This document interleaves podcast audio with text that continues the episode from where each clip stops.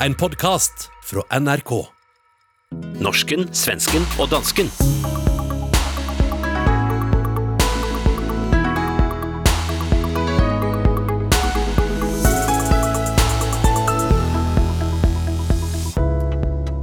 Dansken har hjulpet USA med at spionere på norsken og svensken. En svensk feminist angrer alt. Og en kvindelig journalist har gått hele vejen i sin dækning av sexklubbåbningen i Danmark.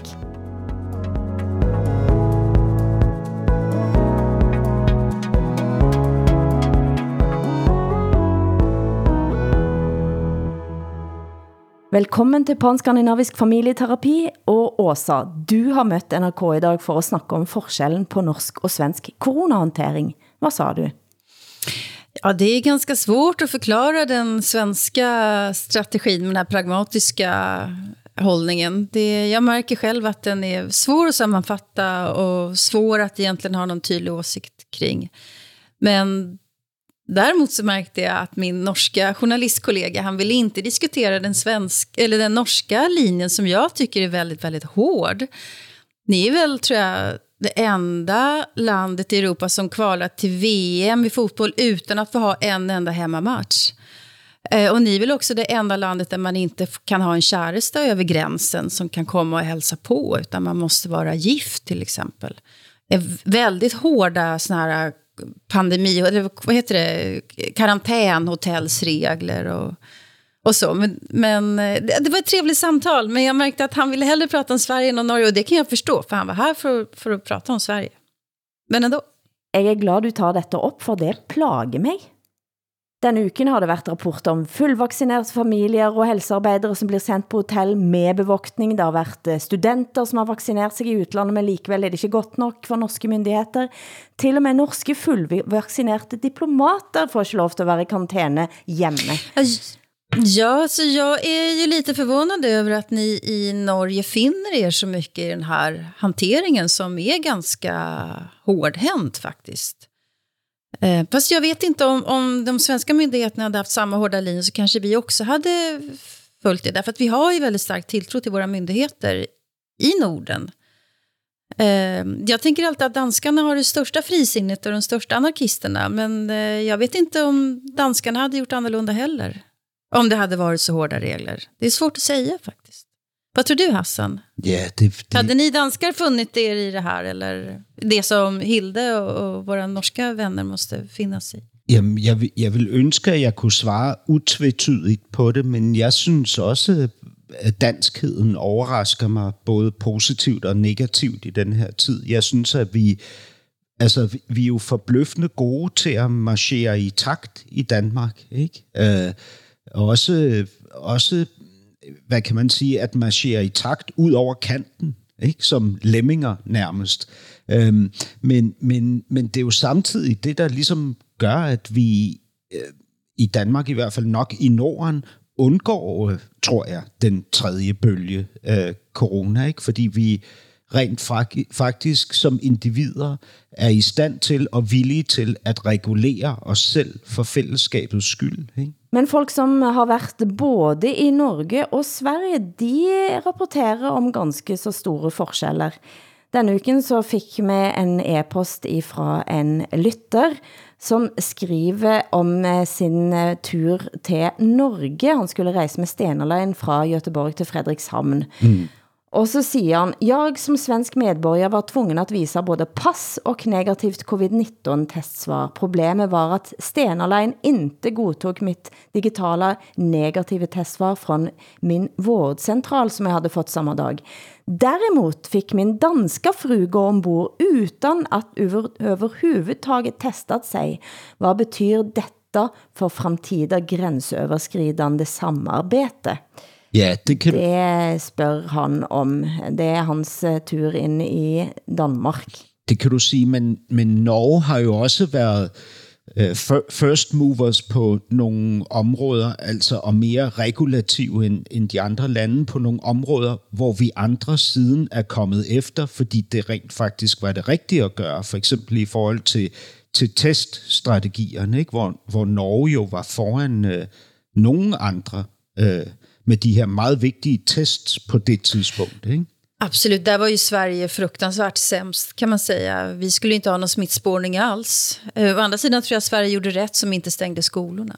Det tror jag var ett riktigt beslut. Det kanske är så att man får sammanfatta det här att alla länder prövade sig fram och man fattade vissa beslut som var riktiga och andra som var fel. Den svenske forfatteren, kommentatoren og kendisfeministen Sissi Wallin har igen skabt bølger i Sverige. Men denne uken med en, i alla fall for mig, uventet twist. Hvad er det som har skett også?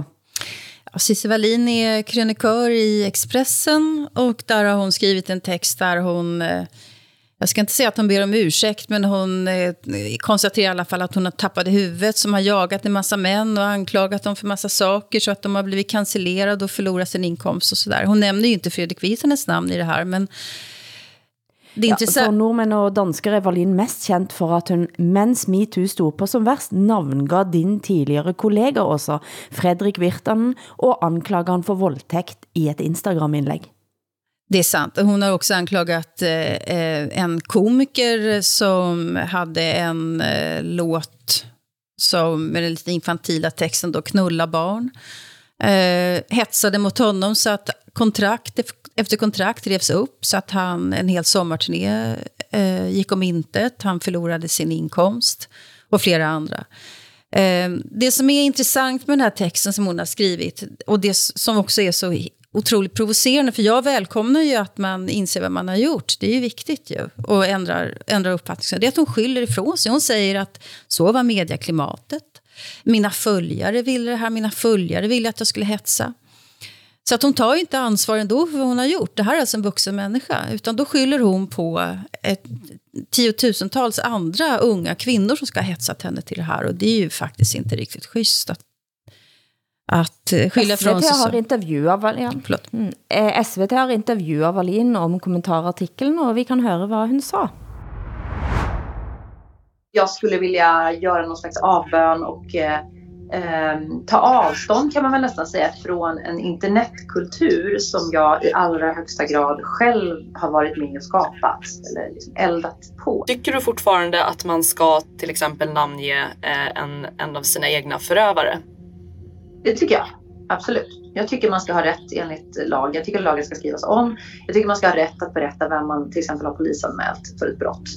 Är det några specifika personer som du vill be om ursäkt nu med det här i åtanke? Nej, alltså jag tycker det är så larvigt det här. Åh, nu ska man liksom göra av och be en massa människor om ursäkt. Det är inte det det handlar om. om. Det finns massa människor som tycker illa om mig, som tycker att jag har sårat dem eller skadat dem eller varit dum mot dem. Och om de genuint tycker det får de gärna höra av sig till mig så kan vi snacka. Jag har inget problem att prata med i stort sett någon. Men det här handlar ju mer om en reflektion kring sitt eget beteende på nätet. Jeg, jeg, jeg bliver simpelthen nødt til at, at dele noget med jer i den her uh, terapigruppe, vi er i. Ikke? Altså, uh, jeg, jeg sidder her uge efter uge og skal beskue danskheden for at formidle den til jer. Ikke? Og, og, og det forsøger jeg jo at gøre sådan, hvad kan man sige, modent, øh, objektivt og ansvarligt. Ikke?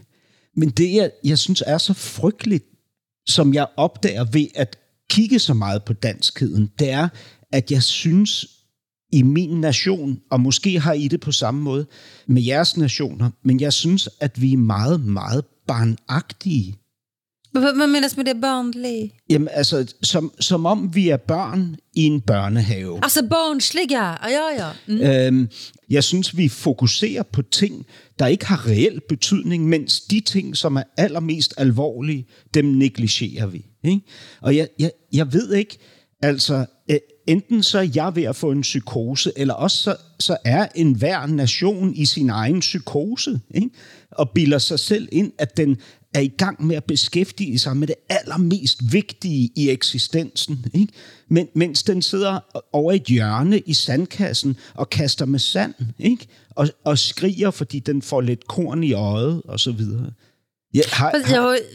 så har det varit i tio år tycker jag, att man bara diskuterar det som är oväsentligt och det som skapar mest konflikt och då blir det snackisar kring det. Men samtidigt så är det ju ganska viktigt vad man kan göra med nätet mot varandra. Alltså hur man kan, eh, hur man kan deplattformera människor, förstöra människors eh, försörjningsmöjligheter, man kan påstå om folk, eh, man kan sätta folk i vanära. Men, men det är ju latterligt. Det är ju, om det nu skulle... Jo, man kan skratta, men framförallt så tycker jag att det är så halvhjärtat det hon gör. Det känns ju inte äkta. Utan det känns ju som något slags opportunistiskt från hennes sida. Samtidigt så skulle jag väl ändå vilja att om fler kunde träda fram nu så kan man ha en ordentlig diskussion. Vad var det som hände där i det där metoo-året? Jag har försökt diskutera det länge, det går ju inte.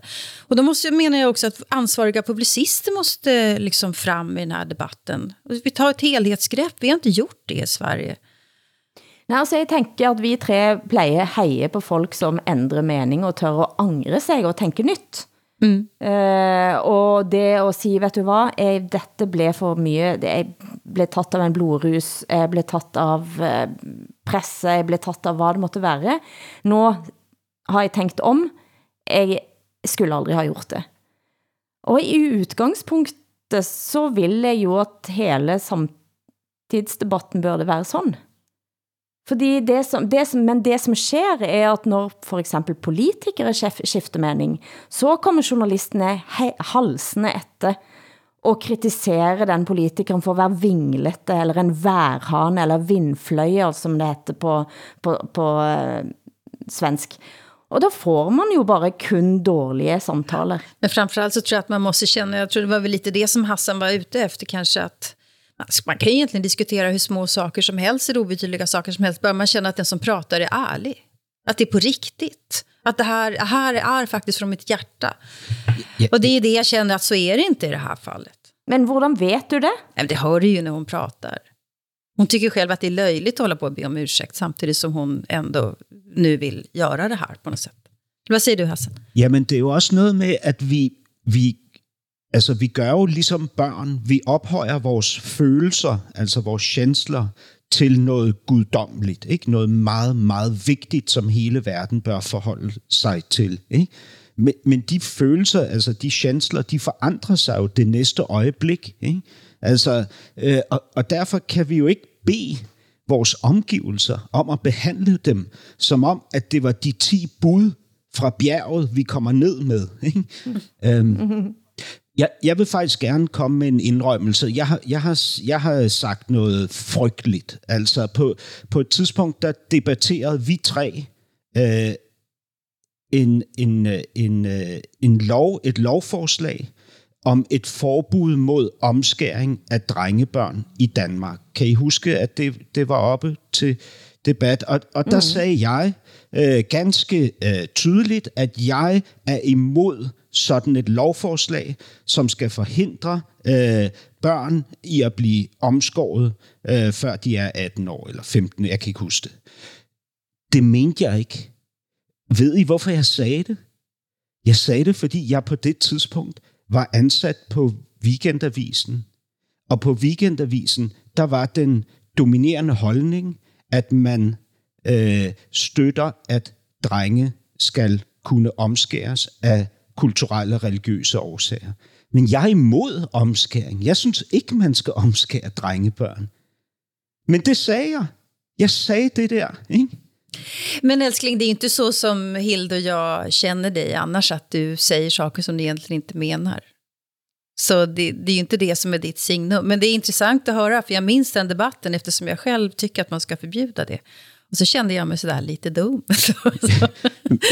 og der er ikke nogen, der har forlangt, der er ikke nogen, der har forlangt at, af mig, at jeg skal sige nej. sådan der. Der er ikke nogen, der nej, har, nej. har sagt nej, nej. slet ikke. Det var min, det var min automatiske tilpasningsevne. Ikke? Jeg ønskede at tilhøre et fællesskab, som så kunne stille sig op mod nogle andre fællesskaber. Ikke? Og der kunne vi så kaste med argumenter på hinanden, som børn kaster sand i ansigtet på hver andre. Ikke? Men, men jeg har et andet, kanskje mer eh, banalt og direkte forhold til samtaler.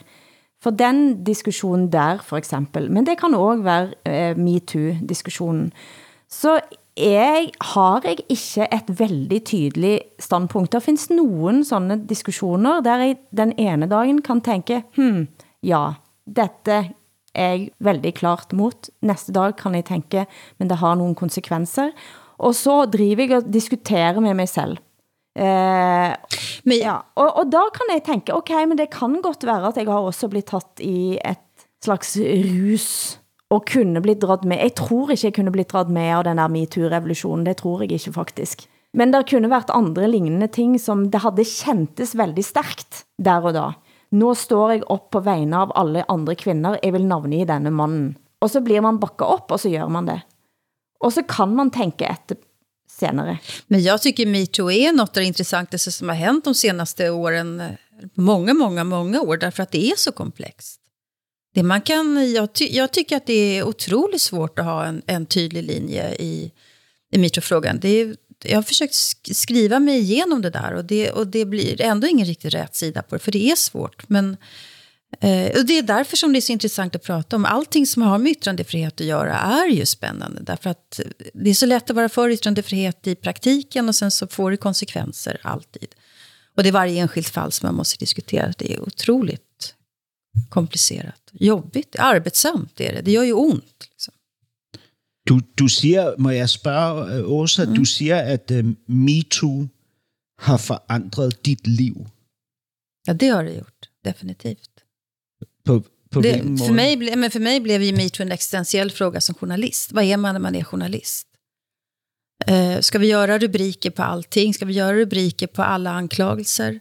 Ska vi fälla människor och ska vi, eh, ska vi dreva mot människor? Och allt det där har jag försökt vända ut och in på mig själv i flera år här nu. Så för mig var det helt definierande för mitt liv faktiskt.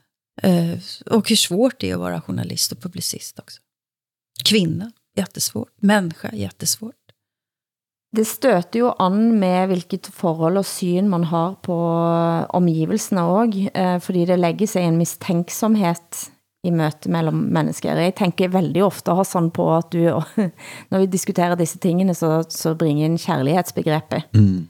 Sant? Uh, at man får drev uden kærlighed, man får journalistik uden kærlighed, og der findes heller ingen nåde. Og det var derfor jeg tænkte, da jeg hørte Sissi Wallin, så tænkte jeg, jeg skal lytte med åbne ører. Jeg skal ikke lytte med de ørerne som siger, nej, nu kommer hun her. Mm. Precis, men, men jag vill som sagt att eh, vi som är publicister och, och har ansvar för vad som publiceras ska ta över den här stafettfinnen. Nu har hon ändå kastat en handske här, om vi ska vara generösa, så då tar vi upp den tycker jag. Eh, därför att hon skulle inte haft en chans att få, få ut sitt budskap och hetsa som hon har gjort ifall inte vi i medierna hakar på och gjort rubriker på det här. Mm. Försvarat, försvarat henne också. Det är det väldigt många som har gjort. Uh, och sen så nu så ångrar hon sig. Vad betyder det för oss som har, inte, jag har inte publicerat henne, men de som har publicerat henne eller liknande text, vad betyder det? Men alltså, vi... vilket, ansvar har, vilket ansvar har vi i det här? Det är ju dags nu för den debatten. Ja, men vi, vi må i mye større grad, tror jeg, åbne op for en eh, samfundsdebatt, der det er muligt at eh, skifte totalt mening. Ja, ja. Og at det er greit. Absolut, absolut. En nordmand, som har angret sig i det sidste, er tidligere FRP-topp Per Sandberg. Han sletter meldinger på Facebook efter at han har gått ut med støtte til sin politiske modstander, Miljøbyråden i Oslo, Lan Marie Berg, og den massive hetsen hun har været udsat for i sociale medier. Eh, og jeg har selv været eh, hard i klypa eh, i mange ganger, skarpe debatter. Eh, men nu vurderte jeg altså længe hvorvidt jeg skulle la, la disse to Facebook-statusene stå der. Mm. Men for første gang i min historie så har jeg altså sletta to Facebook-statuser som omhandla to andre kvinner. Eh, og da, Det er fordi at jeg satte meg ned altså, og prøvde å lese og analysere alle kommentarene som kom. Og det ble verre og verre. Og da eh, besluttet jeg til slutt at dette gidder jeg ikke mer. altså. Eh, og du blir sittende igjen og tenker hva er galt med folk? Dette var altså Sandberg på TV2 Nyhetskanalen forrige uke. Sandberg har været en av de mest bramfrie eh, tidligere mot de som eh, ja, protesterte mot rasismeanklager for eksempel. Efter at han fik norsk-iransk kæreste Bahare Letnes, har han ændret tone. Eh, og nu går han altså også kraftigt ut mot de som hetser Lan Marie Berg og hans egen kæreste Bahare Letnes. Eh, det har skett noget med liv med hans også, eh, men mm, eh, har det ikke, er det ikke også en sverigedemokrat uh, også, som har fått eh, uh, kjære som ikke er svensk bakgrund og blitt chokeret over rasisme han mötte fra højrekanten? Ja, det är Sverigedemokraternas chefsideolog eh, Mattias Karlsson. Han har ju en ny tjej. Hennes mamma är adopterad för Indien, så hon har lite mörkare hy då. Och han blev ju då, Mattias Karlsson blev ju alldeles chockerad över att eh, ja, de rasistiska, som han menar, rasistiska kommentarerna. Men det är inte i hans eget parti som de kommentarerna finns, utan de är utifrån, menar han. Han mener vel selv at han er en av de som har slåst mot en ekstreme højre inden fra Sverigedemokraterne. Ja, ja. Det, det menar han också. Ja. Før vi går, vår, går videre, så må jeg bare få en liten anledning til at si, kjapt nogen to ord om norske ordningen for kontantstøtte, som vi diskuterte forrige eh, helg. Sådan jeg ordla mig, så kunne det høres ut som om det var en form for fødsels- eller barselpermission, men det er det altså ikke. Det er snarere et alternativ til barnehage eller dagis, der mor får betalt for at være hjemme med barnet frem til barnet er to år. Hvis barnet ikke har fått tildelt barnehageplads, så kan du få 100% kontantstøtte. Det tilsvarer 7.500 norske kroner i måneden. Eh, Danmark og Sverige har lignende ordning, men på kommunalt niveau, og du må søge. Og kontantstøttens størrelsesorden varierer fra kommune til kommune. Stemmer ikke dette, Hassan? Jo, det er fuldstændig rigtigt, og i Danmark er der naturligvis også nogle krav, som ligesom skal forhindre, at den her ordning bliver brugt, skråstrej misbrugt af øh, forældre og børn, der ikke ønsker at integrere sig i det danske samfund. Ikke? Så for at kunne modtage det her tilskud som forældre, så skal du have tilstrækkelig dansk kundskaber. For eksempel, du skal have bestået 9. klasse afgangsprøve. Ikke? Øh, og på den måde har man ligesom forsøgt at, øh, at sikre sig mod, at det her kommer til at medføre, at øh, familier, indvandrerfamilier, isolerar sig fra det danske samfund. Men vi har inte riktigt något liknande i Sverige. I Sverige får alla, alla som får barn får vara hemma 390 dagar tror jag. Och då väntas, eller så ska pappan ta ut, eller den andra föräldern, den andra föräldern ska jag säga, ta ut ett visst antal dagar. Men, men sen så kan man få någonting som är, heter garantipeng tror jag det heter. Och det är 180 kronor för skatt per dag i ett visst antal dagar. Så, och det är lika för alla i hela Sverige då. Okay. Tror jag att det är. Ja. Denne uken blev det bekræftet. Danmark har hjulpet USA med at spionere på blandt andet norske og svenske politikere. Den svenske forsvarsminister Peter Hultqvist blev intervjuet av SVT den 20. maj i år, og igen en uke senere. I mellemtiden havde statsråden været i kontakt med den danske forsvarsministeren Trine Bramsen. Mens kamera rulle blir han konfronteret med, at han i det møte har blitt ført bak lyset av sin danske kolleger. Efter att SVT för en dryg vecka sedan frågade och informerade Peter Hultqvist om övervakningen av svenska politiker har han krishanterat genom att bland annat ställa frågor till Danmarks försvarsminister. I fredags fick vi en ny intervju med Peter Hultqvist. Men vad tänker du om att danske försvarsministern Tine Bramsen har fått en rapport om detta på sitt bord i höstas. Och vi har pratat efter det och hon har inte berättat om att svenska politiker har blivit avlyssnade, att det är information som finns i rapporten. Idag så begränsar jag mig till att säga det att vi har krävt full information om de här sakerna som rör svenska medborgare, svenska företag, svenska intressen. Och eh, nu får vi se hur den politiska svaret på det blir från dansk sida.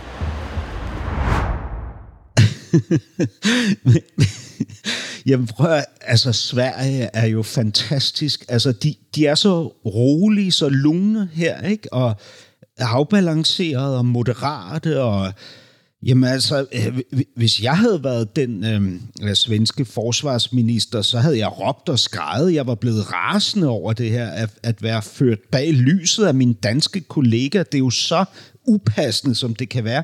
De har siddet over for hinanden, og så har hun simpelthen fortalt øh, usandheder til ham. Ikke?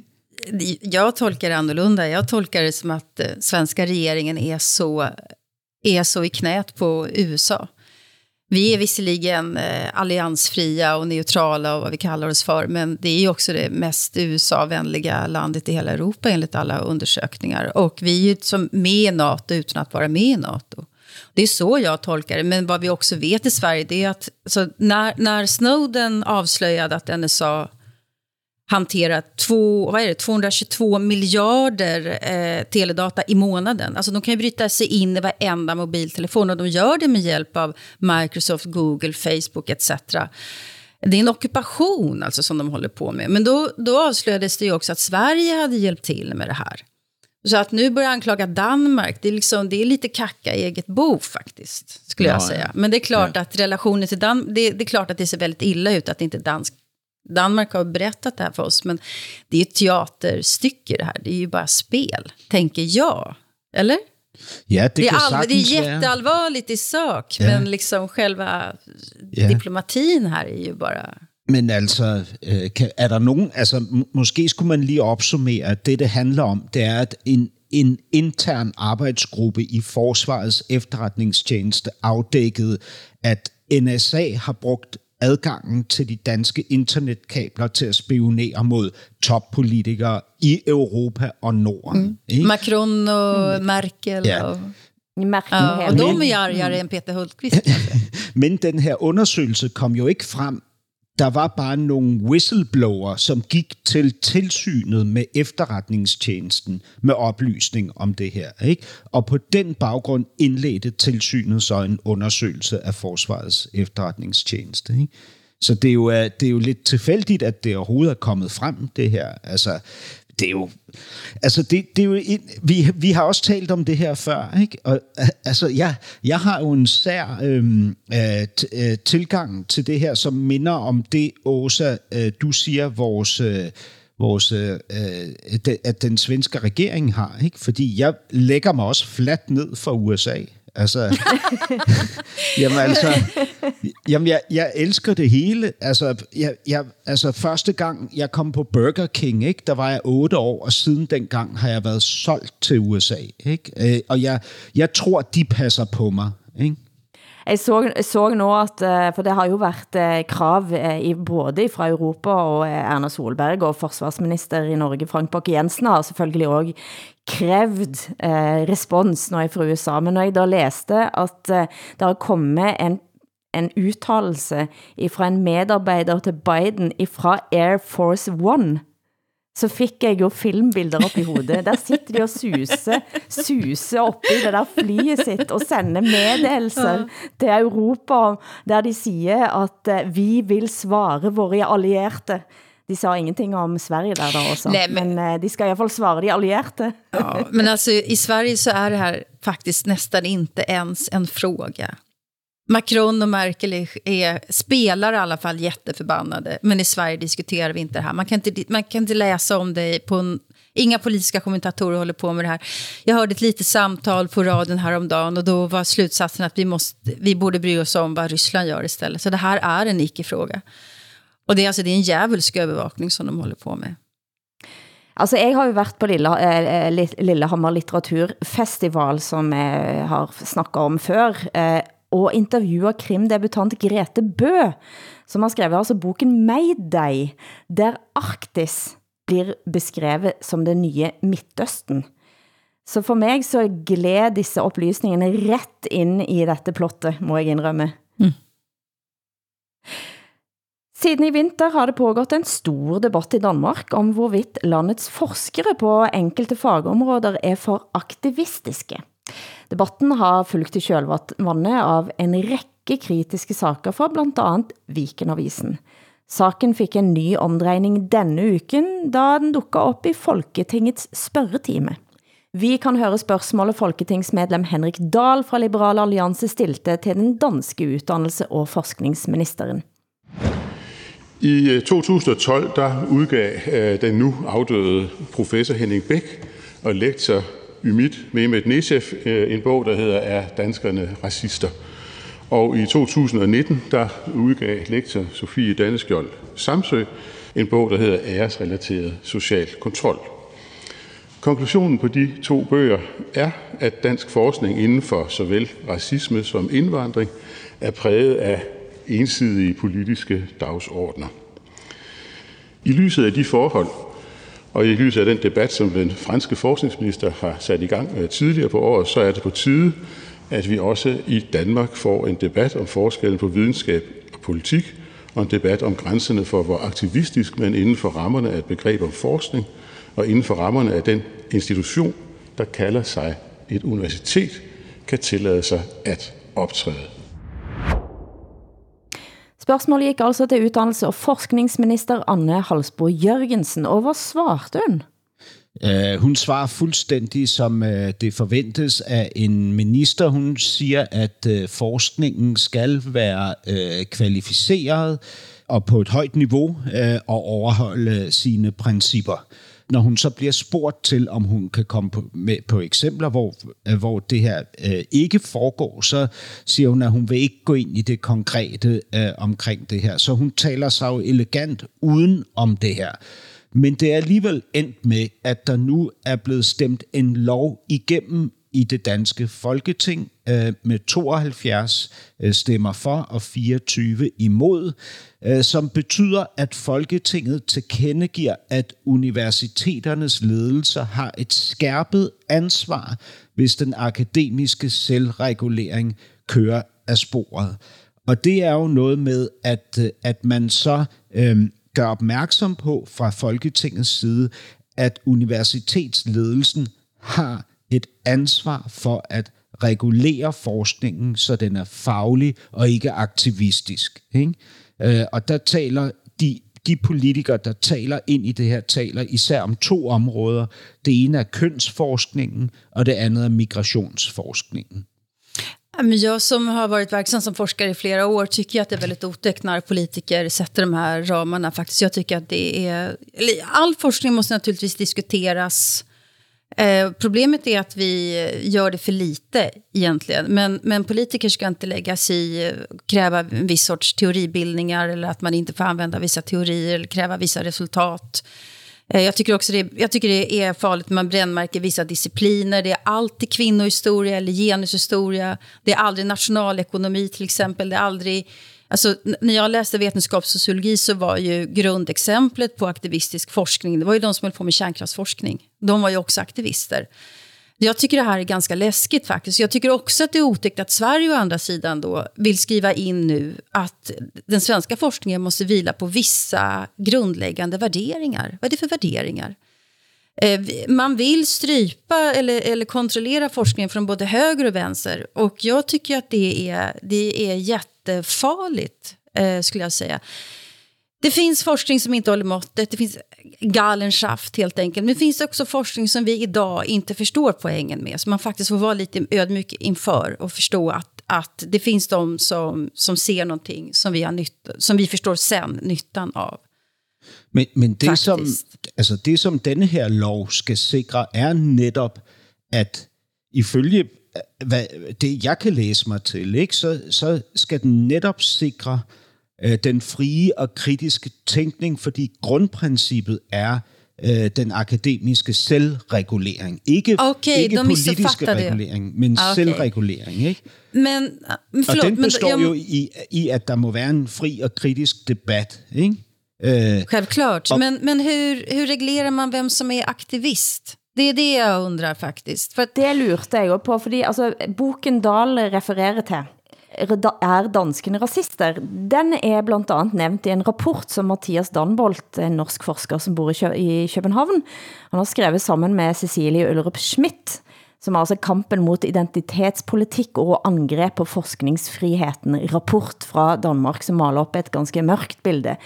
Og denne kommentarartiklen det hævder da altså, at danske politikere gør forsøg på at delegitimere forskning i køn, kolonialisme og racisme. Eh, og at politikerne da, gennem at fortælle om antiliberal og ekstremistisk og hatefull form for identitetspolitik, har festet grep om dansk akademia. Men det, jeg har læst denne rapporten, og den er interessant, men når den skriver at Beck, sammen med blandt andet Jens Martin Eriksen og Fredrik Stjernfeldt med sine bøker har citat, gjødslet vandet for dagens debatter. Da falder jeg lidt av. Hvad er det, hvad er det for et ord? Hvad siger du, gjødsel? Og göts, gödsle. Um, For at någonting skal spire og gro. Det som men, man... men, men, men det der jo netop er, det er altså for eksempel nationaløkonomi, som du nævnte for et øjeblik siden, Åsa, det, det kan vi jo diskutere frit. Det bliver det jo også hele tiden. Det kan være, at man ikke synes, det bliver diskuteret nok, men der er jo ikke noget... Altså, det er jo ikke provokerende at sige, at nationaløkonomi bør baseres på det her princip, eller det her princip, eller et helt nyt princip. Ikke? Men for eksempel kønsforskningen eller racismeforskningen, den er meget, meget svær at adressere uden at, få, at man får et rap over nallerne, ikke? Hvis, man, hvis man har en anden, eller, eller udfordrer den, det gængse standpunkt. Og jeg, jeg, må jeg ikke bare lige afslutte, jeg skal nok gøre det kort, fordi det, det her læner sig op af det, vi talte om tidligere, eller som jeg, jeg var inde på. Ikke? Når, når vi går rundt i de her fællesskaber, vi går rundt i, og hvis man går rundt på et fakultet i 6-7 år med øh, ligestillet, ligesindet, øh, øh, øh, mennesker, så begynder vi som mennesker at, at regulere vores tanker og holdninger i forhold til hinanden. Ikke? Det er jo en menneskelig mekanisme, ikke? Men, men den er, altså den, jeg synes, den er farlig. Altså, jeg synes faktisk, den er dødsens farlig. Ikke? Men det du snakker om her er forskning som ender op i ekokammer. Mm, exakt. Og det spørgsmålet der da er om eh, man gør sig selv um, uinteressant og dermed uvesentlig. Og det var det jeg prøvede at sige med at den rapporten da, som skal gå kritisk i sømmene på denne udvikling i Dansk Akademia, og som mener nu at dansk forskerfrihet er truet, så nævner de kritikken som har kommet mot feltet, blandt andet da fra Henning Beck og Fredrik Stjernfeldt. Men de går ikke ind i dialog eller diskussion. De stempler det som noget som, som gjødsler vandet for at politikere skal ta nogle beslutninger. Og det er, den, og det er der jeg synes det blir et problem, for man kunne have gått ind og, og diskuteret med Beck eller med Stjernfeldt, eller hvad det, hvad det måtte være. Eh, Stjernfeldt havde selv en artikel i Vikenavisen for nylig, der han siger, de mange nye censurglade, altså da snakker han også om eh, politikere, synes ikke at forstå hvad frihet er. Man kan ikke ha frihet uden at nogen vil misbruge den. Hvis der ikke foregår utskægelser og misbrug af trykkefriheden, så har vi ingen. Ja, og det, men, og Hilde, det der, du er inde på lige nu, det er jo det helt centrale. Ikke? Altså, da, da, min far tog til uh, Cambridge i, i begyndelsen af 60-tallet, 60'erne, for at studere. Der var det allerfineste princip, var jo diskussionen. Ikke? Det var jo det, man efterstræbte. Mere end resultatet, mere end at få ret eller tage fejl. Ikke? Og den store danske socialdemokratiske figur, Hal Koch, som var en kæmpe værdipolitiker og stor, stor tænker. Han sagde om demokratiet, at det ikke var afstemningen. Afstemningen var demokratiets nederlag. Demokratiets sejr var diskussionen. Ikke? Men hvor er den diskussionsløst i dag? Hvor, hvor, hvorfor er det forsvundet? Jeg, jeg, det er fortvivlende for mig. Det håller jag verkligen helt med om. Men alltså, jag skulle önska att vi diskuterade eh, øh, forskningsresultat mycket oftare än vi gör och att, att akademiker var mer villiga att presentera sina resultat för allmänheten och förklara dem så att vi kan diskutera. Det handlar ju om demokratisk legitimitet. Men att politiker ska gå in och säga att man, vi ska inte ha genusvetenskap något mer, eller så, det, det tycker jag är, är, är farligt helt enkelt.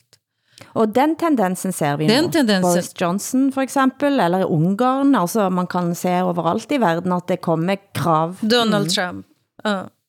Lika lite som jag vill att, att politiker ska bestämma vilken sorts konst vi ska ha, så, så tycker jag inte att politiker ska lägga sig i detalj heller vilken sorts forskning vi ska ha. Samtidigt så är det ju naturligtvis forskning helt beroende av politiska beslut vad gäller tilldelning och hur mycket man ska satsa på naturvetenskaplig forskning jämfört med humaniora till exempel. I Sverige har vi skurit ner väldigt mycket på humaniora.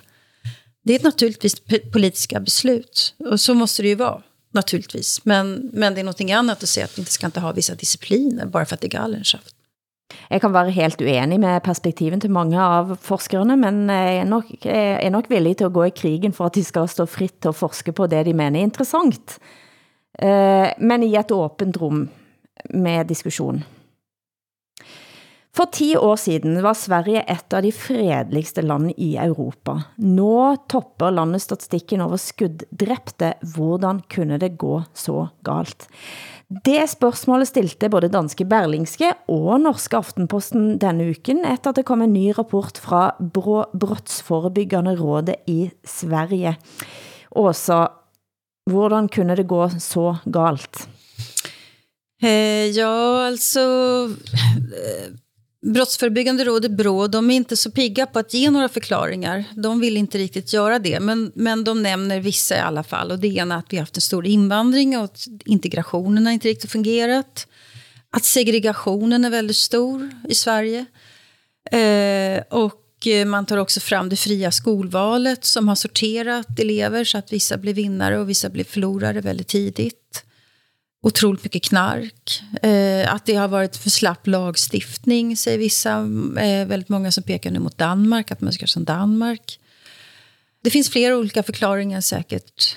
Eh, men det enda som politikerna diskuterar, det är lagstiftningen. Det är, det är absolut eh, totalt bara fokus på brott, eller straffsatserna. Vi kan høre utdrag fra GT-reporter Jens Anderssons direkte rapport på Expressen TV, etter nok en gjengskyting med dødelig utfall i Hjelbo utenfor Göteborg forrige søndag. Polisen är ju bekymrade och oroade över att den här konflikten ska eskalera och man är orolig för att det ska ske någon typ av vedergällning. Precis som du säger så finns det uppgifter om att eh, personer med kopplingar till den här mördade mannen i 45-årsåldern har eh, rest till Göteborg i början av veckan här. Eh, man har även stoppat ett eh, stort antal fordon i Skåne som man tror var på väg hit till Göteborg och även personer på Landvetter som, som har stoppats. Så att, mycket nu handlar ju om eh, huruvida den här konflikten kommer att eskalera ytterligare. Vår, vår eh, chefredaktör beskriver i en krönika som att, att det är någon form av minidiktatur som har upprättats här där, där starka eh, släktnätverk då, med hjälp av våld och hot om våld eh, påverkar lokalsamhället, vad människor kan göra och inte göra och där, där de beskär deras frihet. Det är ju nästan vanskligt att begripa hur dröjt det har blivit. Det høres ju ut som en krigsreportage. Ja, mord på mitt på dagen. På torg där det också var poliser närvarande. Sköt man ändå. Och, folk, och klanmedlemmar som kommer reisende upp ifrån Europa. Alltså det, eh... Men eh, den, den mannen som sköts till döds i Hjälbo var det väl, han var ju aldrig tidigare straffad. Polisen säger att det är ganska svårt att placera honom i något kriminellt gäng. Och ändå så Alltså han var inte kriminell, vad jag har författat. Han blev ändå skjuten. Mm. Det sägs att det är en skitsak som de har eh, triggat igång på. Och väldigt, väldigt mycket vapen i omlopp i Sverige. Och vad det beror på är det inte heller någon som riktigt kan förklara. I artiklen i Aftenposten så blir det beskrevet at gängene begynder at gå med maskingevær, og at derfor så går andre også med skytevåpen. Det er altså mer skytevåpen än det är i Kroatien. Ja, eller om möjligen att Kroatien är snäppet värre än Sverige. Men alltså, vi är ju to topp i Europa. Är vi. Och det har gått väldigt fort också. Och eh, i Sverige så hånar man ju nu naturligtvis Stefan Löfven som för inte så himla länge sedan sa att vi såg inte det här komma. Eh, att det skulle bli så här. Och allt det här, alltså för varje ny skjutning så är det ju eh, en halv procent mer i väljarstöd för Sverigedemokraterna och Moderaterna. Mm. Det, ju, det blir så. Da, eh, lige præcis det her fænomen i Sverige har ret stor opmærksomhed i Danmark. Ikke? Og det har det jo en årsag. Og årsagen er jo, at man nu i Danmark kan sige, se hvad vi sagde. Vi sagde, at det ville gå den retning øh, i Sverige for 10 år siden. I ignorerede det, og nu står I i lort til op over begge ører. Ikke? Øh, det så. så der er selvfølgelig en form for lidt, øh, hvad kan man sige, øh, ja, altså en... Skad, skadefryd, som det heter. Ja, en, en ubehagelig skadefryd. Fryd, mm. ja. Mm. Mm. Men där är... Det... Jag känner sorg bara, jag känner att det är tragiskt. Det är så en hel generation unga människor Grete Lien Metlid, som er leder af etterforskning ved Oslo politidistrikt, kommenterte forrige søndag svenske funnen på Twitter, der hun skriver, at det er en stor forskel mellem Sverige og Norge, at det er evnen til at opklare og domfælde personer i drabsaker. Hun mener selvfølgelig, at det bidrar til at stoppe eskalering av konflikter, men jeg lurte på, findes der en begrundelse for det? Altså, hvorfor er man eventuelt bedre skikket for at opklare og domfælde personer i Norge? Det vet du, har du nogle tanker om det også? Nej, jag har ingen tanke om det, men, men i Sverige så är det ju ett problem med att vittnen inte vågar eh, vittna, så att säga. Hela grannskap håller tyst, man säger ingenting för att man är rädd för repression. Vi diskuterar idag om man ska kunna ha anonyma vittnen i Sverige, kronvittnen och så vidare. Och, eh, hittills har ju lagrådet sagt nej till det, tror jag i alla fall. Advokatsamfundet naturligtvis menar att det är rätt så säkert och, och sådär. Mm. Vi har inte heller haft de här äh, avlyssningssystemen som till exempel Frankrike har haft. Med Encrochat, det är fransmännen som har hjälpt oss med det. Så att stora gäng nu står inför rätta. Men nu kommer filmen, som norsken, svensken og dansken har ventet på med længsel. For Kalmar Unions dronning, den skikkeligaste, som det heter på svensk, politikeren som Norden har fostret for endelig sin egen film, med Trine Dyrholm som dronning. Vi har skabt den nordiske union sammen. Og til foråret, der bliver min søn kong Erik forlovet med prinsesse Filippa af England. Og så er der ingen, der våger at gå i krig mod os. Deres Majestæt, jeg kommer ret fra Graudans. Jeg mødte en mand der. Kong Olaf. Min søn. Min søn er død. Olaf døde for 15 år siden. Vi må kutte her, før vi får spoiler for mye. Vi hørte et utdrag fra traileren, som sluppet nylig på YouTube-kanalen til SF Studios Danmark. Håber vi at det vil sætte fart i unionsplanlæggingen vår også? Absolut, men jag undrar, varför har inte vi fått vara med och skriva manus, eller?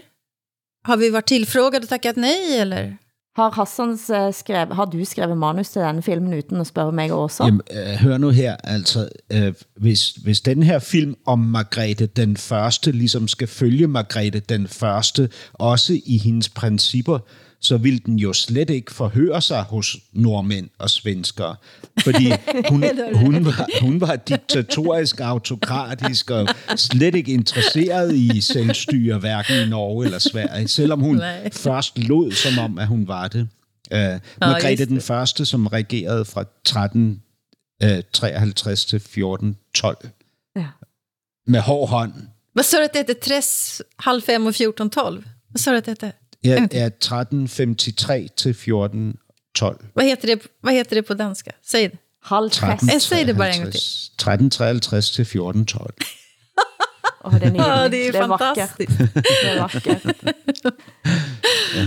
Jeg tænker, Men in Black kommer vel til at gå mann av huset. De har jo argumenteret for netop en nordisk union i sitt eh, manifest. Ja, det er ja, rigtigt. Ja, men det gör jag i, i min livsstil også, verkligen. Ja, det gør, jeg gør det også. Så. Altså, jeg synes, det efterhånden er den eneste union, der giver mening. Det er det faktisk.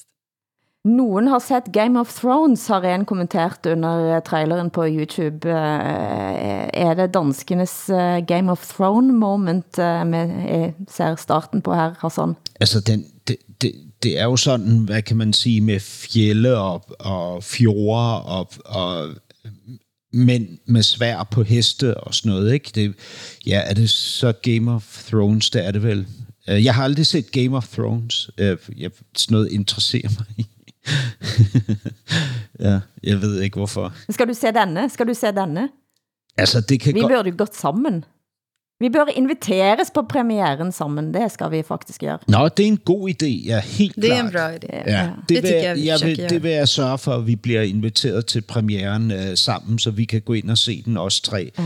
Men, men altså, hvis nu, at, øh, at jeg ikke skulle til premiere med jer og se den her film, så ville det være sådan en, jeg så en dag, hvor jeg havde øh, tømmermænd, altså øh, drukket for meget alkohol aften inden, mens jeg lå og spiste uh, burger. Uh, selvfølgelig amerikanske mm-hmm. burger fra Burger King, fordi jeg elsker alt amerikansk. Den danske journalisten Louise Fischer har skabt overskrifter verden over, efter at hun tog et ekstra skridt, eh, om det er lov at sige, i sin dækning av den danske genåbningen. Fullkontaktsport har været forbudt i lockdown Danmark. Dermed har også svingersklubbene måtte holde stængt. Men forrige helg var det igen fritt frem. Vi kan høre lidt fra reportagen, hvor reporteren prøver at interviewe et eh, svingersklubbmedlem, mens hun har sex. Vi bør kanskje advare om, at reportagen indeholder stærke lydbilder.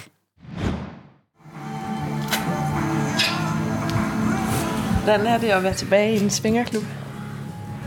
Det er noget, der er ventet i mange måneder.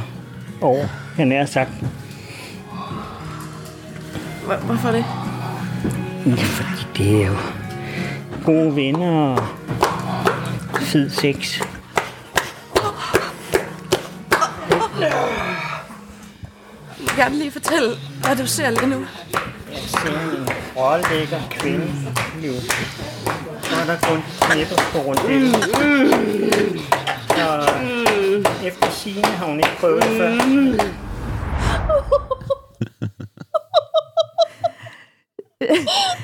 Journalisten spørger altså, fortæl mig, hvad du ser lige nu. Og mannen svarer, jeg ser en rålækker kvinde, som bliver knæbbet på rundellen. Efter sigen har hun ikke prøvet det Ja, før. det er, så, det er så journalisten, som bliver knippet. Ja, ikke? ja, men ja. Hun, hun spørger han, hvad ser du? Og han svarer det. Ja. Det er det, han ser. ja, Han ser en rålækker kvinde, som bliver knæbbet på rundellen. på rundel. Alltså jag är djupt, djupt imponerad av den här kvinnliga kollegan i Danmark. Man kan säga att hon vet vad hon snackar om i alla fall. Hon vet vad hon gör reportage om. Det är helt otroligt. Det är så danskt. Det här är så danskt. Så att det är... Ja, hvad siger, hvad siger danskerne da, Hassan? Jamen altså, hvad skal jeg sige? Det, det, er jo, det er jo vidt og bredt debatteret. Hun er gået langt ikke? I, i, øh, altså, i, i sit øh, arbejdes øh, øh, tjeneste. Det, det, jeg undrer mig lidt over ved den her rapportage, det er, at øh, altså, så går hun ligesom til den her swingerklub, ikke? og så bliver hun så knaldet. Øh, og, og hvad hedder det? Og i det, hun ligesom er blevet knaldet, så stopper rapportagen. Altså, der er ikke ja. Noget om, hvordan det føles at være swinger, øh, hvilke udfordringer det, det øh, introducerer, hvilke forløsninger det kunne øh, bidrage med. Altså, der er ikke, man går ligesom ikke dybere ind i emnet, så hun anvender ikke sine teknikker til at, øh, til at, øh, at trænge øh, ned i materien. Hun anvender sine teknikker til at blive knaldet. Ikke? Og det, det øh, synes jeg er, er sådan, ja, for mig meget besynderligt, at mm, jeg, ved- jeg ved ikke, øh, hvis man skulle sammenligne det med en, en anden graverjournalist, som ligesom prøver at trænge ned i et emne, så vil man vel først der, hvor man er, er, er trådt ind over tærsklen, ikke? der vil man begynde at undersøge og rapportere og så videre. Er, er det ikke sådan? Jo, men det här är en glad bagatell och det tycker jag att det får man bjuda på. Men jag tänkte på när jag var historiker i Uppsala, då hade vi ett begrepp att man, man när man har varit och hämtat sitt källmaterial och ska studera källmaterial, då ska man knulla materialet, sa vi. Man märker om en forskare har knullat materialet. Ja. det har fått en helt annan betydelse, en mer bokstavlig betydelse nu. Nej, jag tycker det var helt fantastiskt. Vil, vil, I, vil, vil I gå så langt for en, øh, for en god reportage, for en, Nej. for en, for en vigtig historie? Nej. Jag skulle aldrig klara mig i radio kan jag säga. Men, det, men dette var veldig gennemtænkt, det sa hun, og, og til og med har jeg læst, at hendes far synes dette var helt fint. Ja. Og der tænkte jeg, dette er virkelig dansk. Det er utroligt danskt. Han, han giver udtryk for, at han faktisk var stolt og imponeret. Øhm, Men, alltså, men, men är det inte lite typiskt Danmark också leta rätt på föräldrar som måste uttala sig om det här, eller? Vad har föräldrarna med det här att göra? Hon är väl en vuxen kvinna som har... Eller? ja, ja, ja. Men eh, man får ju mer smak, alltså man vill ju veta mer om henne och man vill ju att hon ska gå, göra fler, som du säger Hassan, man vill veta mycket mer om swingerkulturen. Och hon har ju visat att hon behärskar det här, så att jag hoppas på mer. Ja, og det, det gør jeg faktisk også, så det, øh, den kritik, jeg kom med, var sådan set ikke for at lukke det ned, det var for at åbne det op. Nej, det forstår jeg. jeg. synes faktisk, at hun burde med, altså med de teknikker, hun nu har udviklet, burde hun lave en hel serie øh, til radioen. Ja, visst. Jag vill veta mer. Altså dybt inde i mig selv, så er der, der også noget, der, der tænker, hvorfor fik jeg ikke den idé? Du havde jo gjort det. Ja, måske. Altså, måske. Altså, det kan jeg jo ikke nu, når jeg er i et parforhold, men hvis, hvis jeg havde været single, det tror jeg. Jag skulle hellre dö som nunna alltså. Det blir sidste ord i ukens Norsken, Svensken og Dansken. Producent har været Henrik Hylland Ulving. Hvis du vil høre oss, så findes vi på podcaststrømmer både i Norge, Sverige og Danmark. Tak til Hassan Preisler i København og Salinderborg i Stockholm. Jeg heter Hilde Sandvik og er tilbage i Bergen. Vi høres igen om en vecka. Mm. Jeg vil gerne lige fortælle, hvad du ser lige nu. Jeg ser en rålækker kvinde nu. Så er der kun knipper på rundt.